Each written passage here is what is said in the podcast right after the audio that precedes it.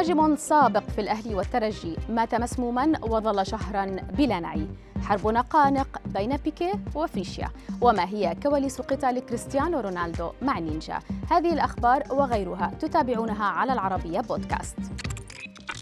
نبدأ أخبارنا من القارة السمراء وتحديدا من ساحل العاج حيث ضجت مواقع التواصل الاجتماعي بخبر مقتل المهاجم أوسو كونان وبحسب المواقع الإخبارية المحلية.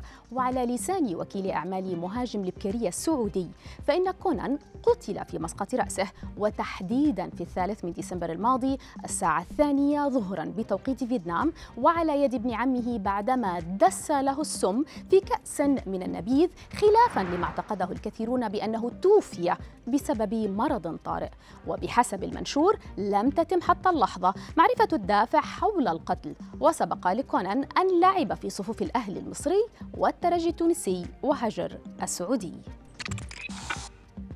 ننتقل الآن إلى جيرارد بيكي الذي رد وبقوة على السخرية التي وجهها توني فريشا المرشح السابق لرئاسة برشلونة للاعبي الفريق. فريشا طرح تساؤلا عبر موقعه على تويتر. هل تتخيل أن لاعبا محترفا يأكل شرائح اللحم والبطاطس المقلية والبيض المقلي وفطائر النوتيلا ويشربون الكحول؟ أنا أقول نعم. ليرد بيكي عليه ساخرا لقد أخطأت في جزئية تناول شرائح اللحم. نحن نأكل النقانق فقط. أما الباقي فهو صحيح. وأضاف سأشرب الآن النبيذ في صحتك ويمكنك الآن متابعة حذف تغريداتك وهو ما قام به فريشيا بالفعل. وإلى كريستيانو رونالدو حيث نشر عبر حسابه على الإنستغرام فيديو حصري له يكشف فيه كواليس مشاهد إعلان تجاري خاص بفنون قتالية صينية. لاعب مانشستر يونايتد الإنجليزي دعا محبيه لخوض تجربة محاربي النينجا ولكن بطريقة افتراضية. وعبر منصة رقمية جديدة يتم فيها استخدام تكنولوجيا متطورة لم يتم الكشف عنها تسعى لربط ثقافة الشرق بالغرب.